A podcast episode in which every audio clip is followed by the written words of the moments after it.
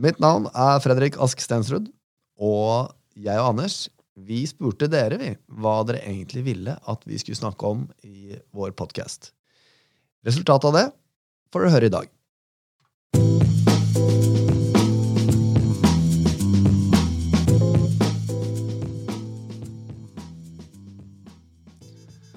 Er du med meg, Anders?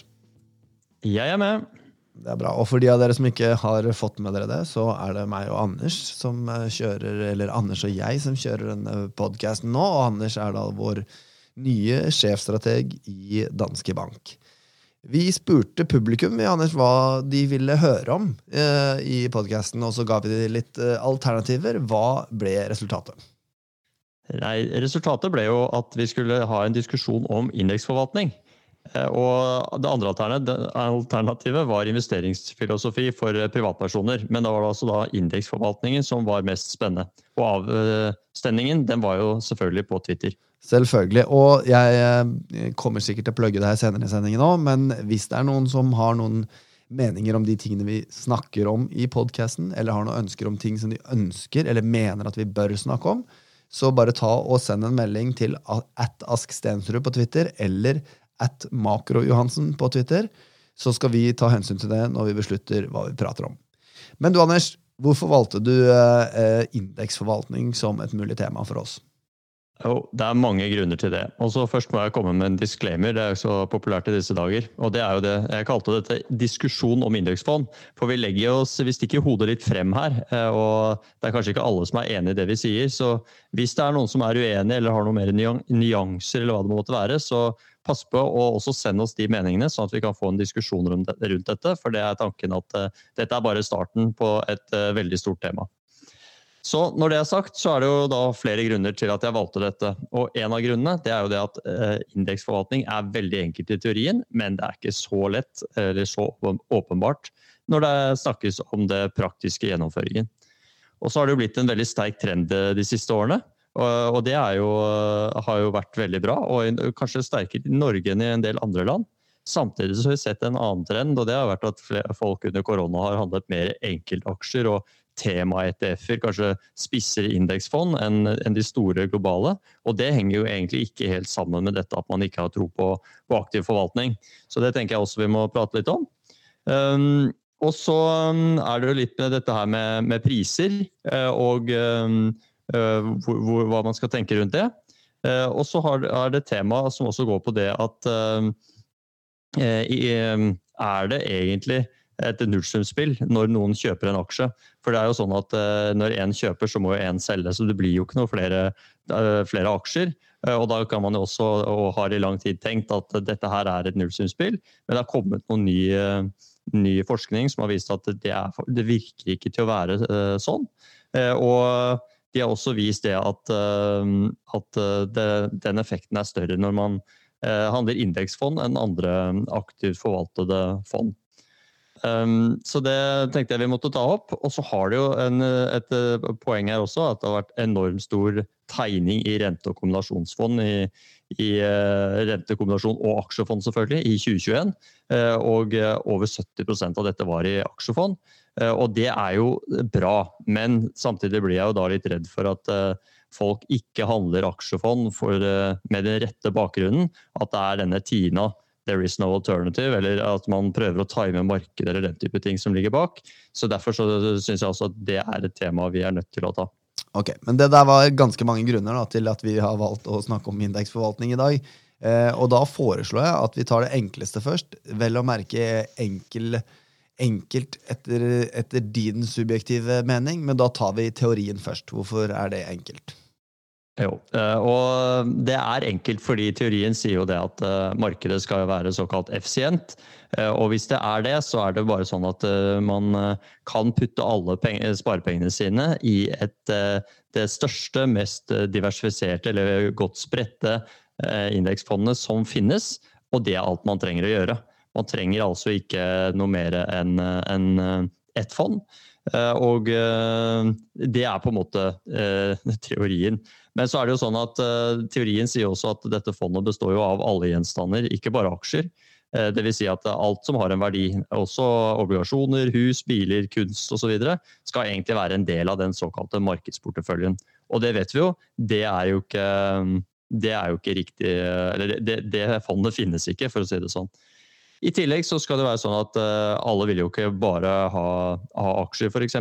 Eller ha den markedsporteføljen som man da får når man man eh, velger denne brede, sammensatte porteføljen. og Da kan man enten øke risikoen ved såkalt å gire opp, altså at man låner penger i banken og putter mer i markedsporteføljen. Eller man eh, kan redusere risikoen ved å putte noe av pengene i banken. Det er på en måte teorien bak det hele. Så som jeg sier, det er egentlig veldig enkelt. Hadde, vi, hadde alle fulgt dette, så hadde vi hatt ett stort fond. Alle aktivene var lagt inn der, og vi handlet eh, alle det samme fondet. Og så vektet vi oss bare opp og ned risiko med sparing eller låning i banken. Men sånn Men, er det ikke i praksis? Nei, sånn er det ikke i praksis. Fordi, eh, og det er jo mange grunner. For det første så er det jo ikke mulig å lage det fondet. Sånn at man har jo da forenklet det veldig. Man går da ned til kall det rene aksjefond da, som, et, eh, som et første eh, steg. Men da kunne man jo da sett for seg at man hadde et stort globalt aksjefond som hadde alle aksjer som finnes i seg. Det gjør man jo heller ikke. Eh, delvis fordi det er eh, mye, eh, mye mm, forskjellige små papirer, f.eks. Det er ulike valutaer som kan være vanskelige å handle, og, og gjøre også at det blir store transaksjonskostnader. Så Derfor så har man jo typisk brukt datamaskiner, og så gjør man en såkalt optimering for å finne da disse, en portefølje som er så godt som riktig, men eh, består i hovedsak av større likvide aksjer som, eh, som, man kan handle. Men det er klart at da har man jo allerede beveget seg litt bort fra det optimale, eller det teoretiske. da. Um, så, så, det er uh, starten. I tillegg så er det jo sånn at um, vi vet jo at det finnes jo noen indekser som er superpopulære. Bare i Norge så har vi jo en rekke forskjellige. Vi har f.eks. hovedindeksen. Vi har en small cap-indeks, vi har en fondsindeks osv. Og, så eh, og eh, i dette så ligger det jo da at dette er jo ikke det er jo ingen av disse som da har alle aksjene, sånn som man jo i teorien skal ha. Eh, så er det et annet problem som også gjør dette litt mer komplisert. og Det er jo det at det er ikke sånn at alle aksjer er med fra start når de blir børsnotert. Og for å ta et veldig nærliggende eksempel, så er jo det Tesla. Tesla er jo et selskap som jeg ikke trenger å forklare mer, men det har faktisk ikke vært en del av den største, mest fulgte børsindeksen jeg vil si, i verden, SMP 500, eh, lenger enn eh, et drøyt år. Den kom inn i, i slutten av desember 2020. Eh, og da i forkant av den inkluderingen så steg faktisk den aksjen fra altså året før det steg den med 822% før den kom inn i indeksen. Og var da egentlig allerede det femte største selskapet på indeksen når det ble med. Så det er jo ganske vilt at et, et sånt selskap sånn sett står utenfor indeksen. Så vi ser de indeksene vi har, og de som vi tenker ofte er liksom det, det, er det teoretisk riktige, nei, de er faktisk et ganske langt stykke fra det. Um, ja, i tillegg så Så ja, Det var vel egentlig de fleste tingene der, tror jeg, Fredrik, på, på det punktet der, var det ikke det? Jo, jeg føler egentlig at du Eller jeg satt og tenkte på om du hadde fått pressa gjennom eh, poenget ditt for mitt eh, smale hode. Men sånn, det, det, jeg føler du sier, du sier at i indekssammensetningen i seg selv så gjør man et avvik fra teorien. Og det at de ulike investorene faktisk også velger forskjellige indekser, så tar man jo noen aktive valg der òg. Kanskje du kan si litt mer, eller presisere det litt ytterligere? Ja, det, det er et veldig, veldig godt poeng. Og, og et, av, et, av, det vanligste aktive valget man tar, er jo kanskje dette som går på home som vi kaller det på aksjespråket, eller at man har en tendens til å velge sitt hjemmemarked. I Danske Bank har vi gjort en studie på det, og der ser vi at er, eh, nordmenn har ca. 65% av sin aksjeeksponering i norske aksjer. Og det er jo til tross for at eh, det norske markedet utgjør under 1% av den totale eh, verdensindeksen. Så det er jo ganske massiv overvekt da, mot, eh, mot, norske eh, selskaper. Og selv om man da velger et indeksfond og tenker ja, her velger jeg lav, no, noe som er lav eh, kostnad og, og, veldig bredt. Så nei, egentlig så har man jo tatt et kjempeveddemål på de sektorene som vi har overvekt av i Norge, som f.eks. da fisk, eller olje og gass, selvfølgelig.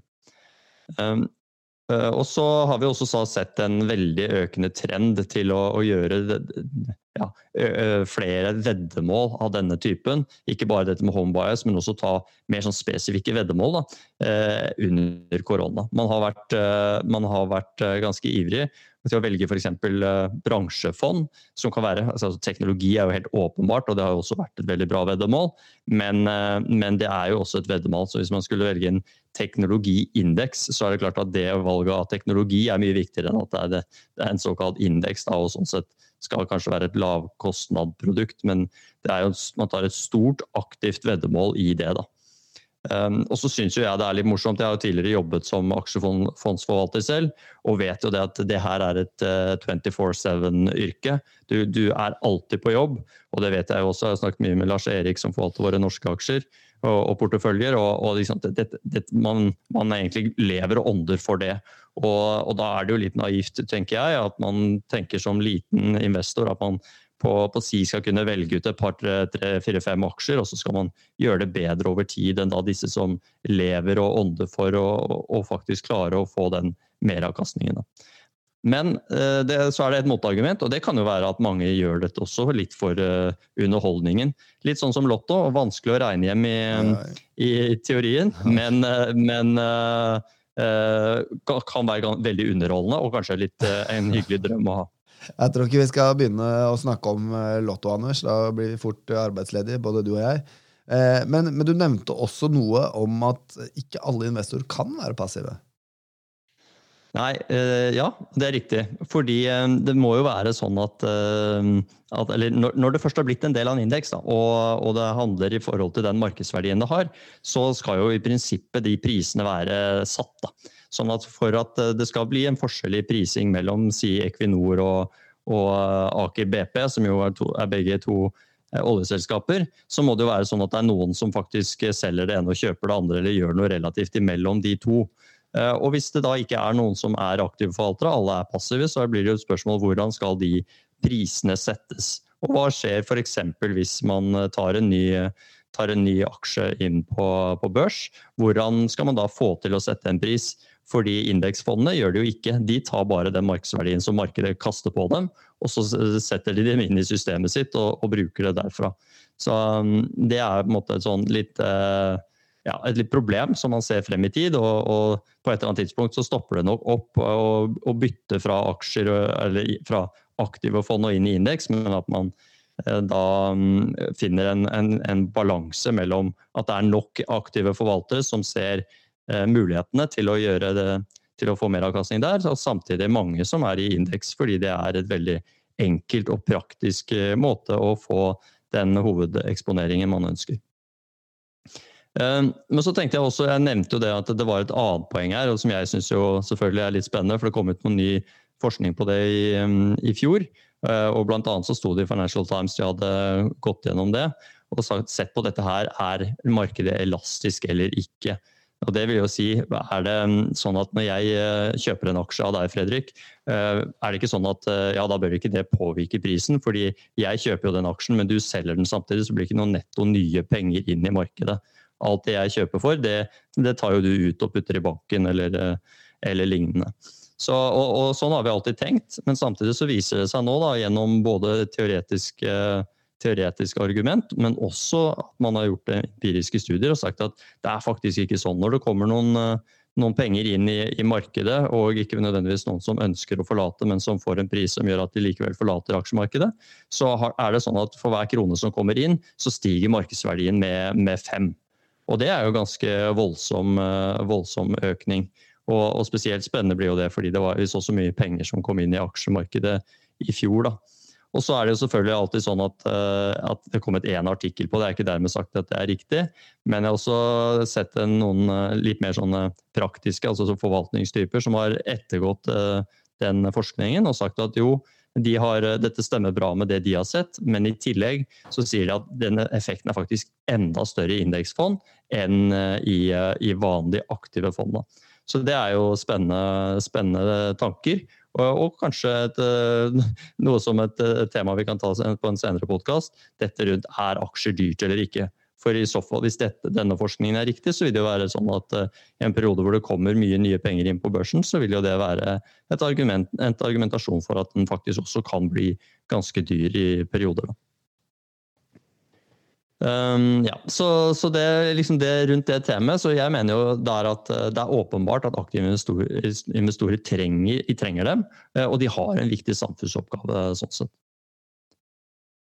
Um, ja, jeg tenker det, det, var vel egentlig mye svar på det spørsmålet, var det ikke det? jo, men jeg har, jeg har lagd meg noen notater, du, selv om ikke vi har noe manuskript. Anders.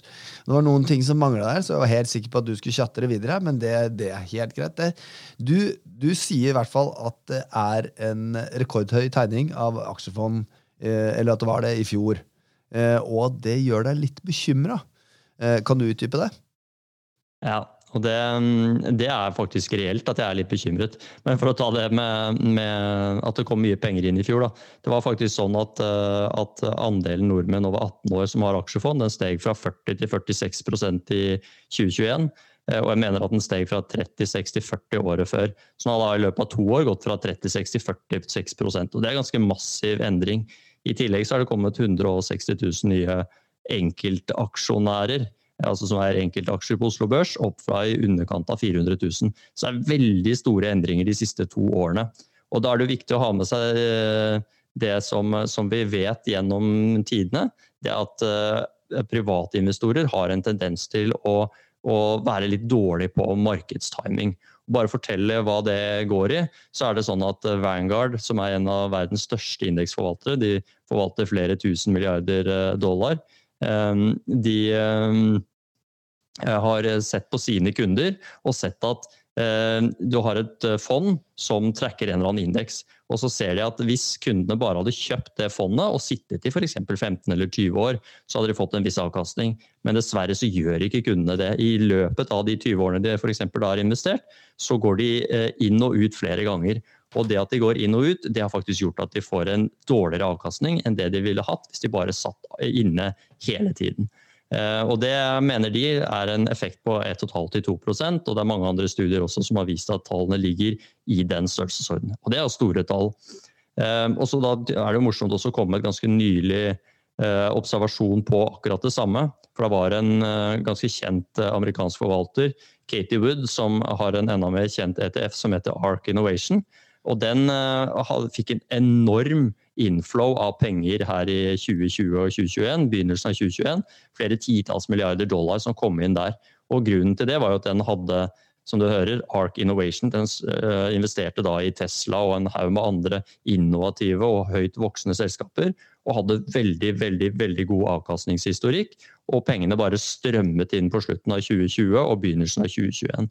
Dessverre så er det jo sånn at denne, den ETF-en har falt over 50% siden toppen i, i februar 2021.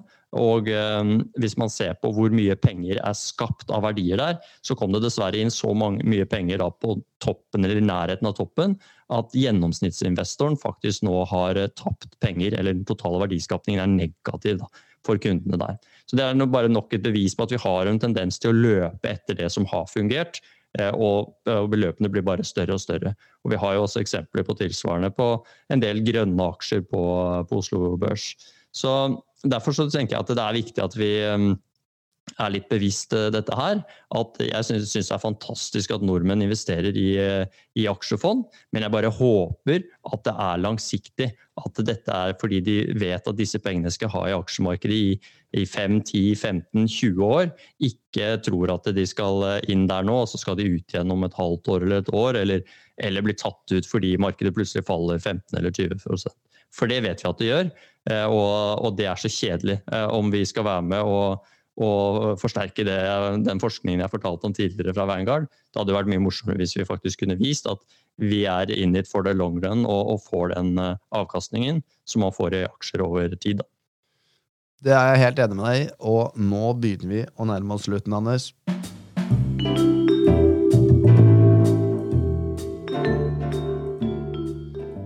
De gangene hvor vi nærmer oss slutten, så pleier du alltid å ha noe, et, et, siste poeng på hjertet. Anders, Jeg regner med at det ikke er noe annerledes i dag?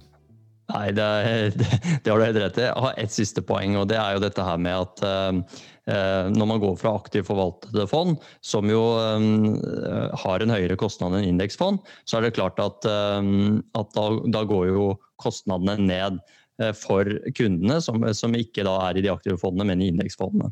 Samtidig så er det jo sånn at disse forvalterne, eller disse som gir deg en tjeneste, de skal jo ta seg betalt på et eller annet vis.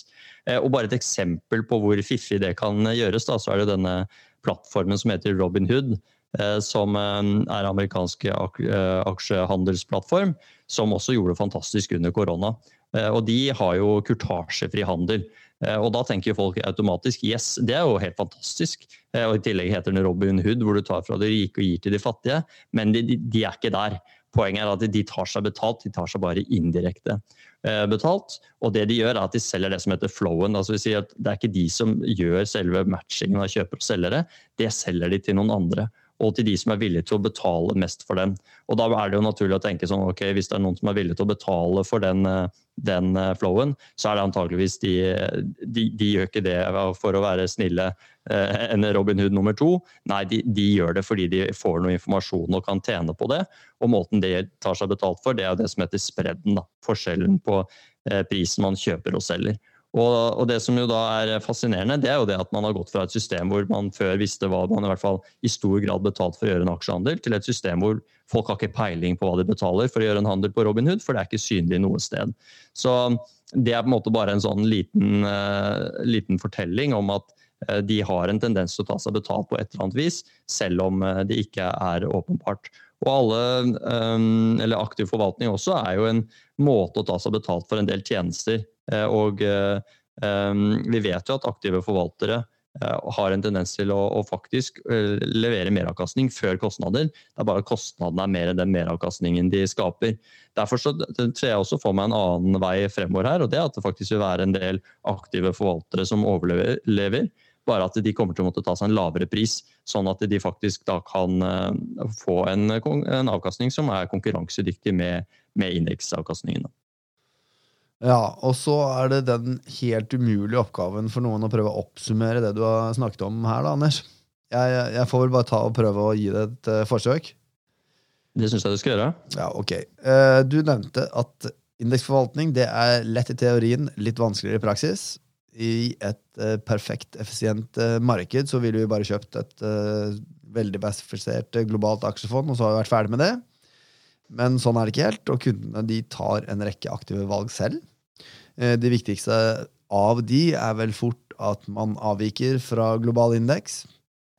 Man har også en del timingsaker. Man prøver å time markedet inn og ut.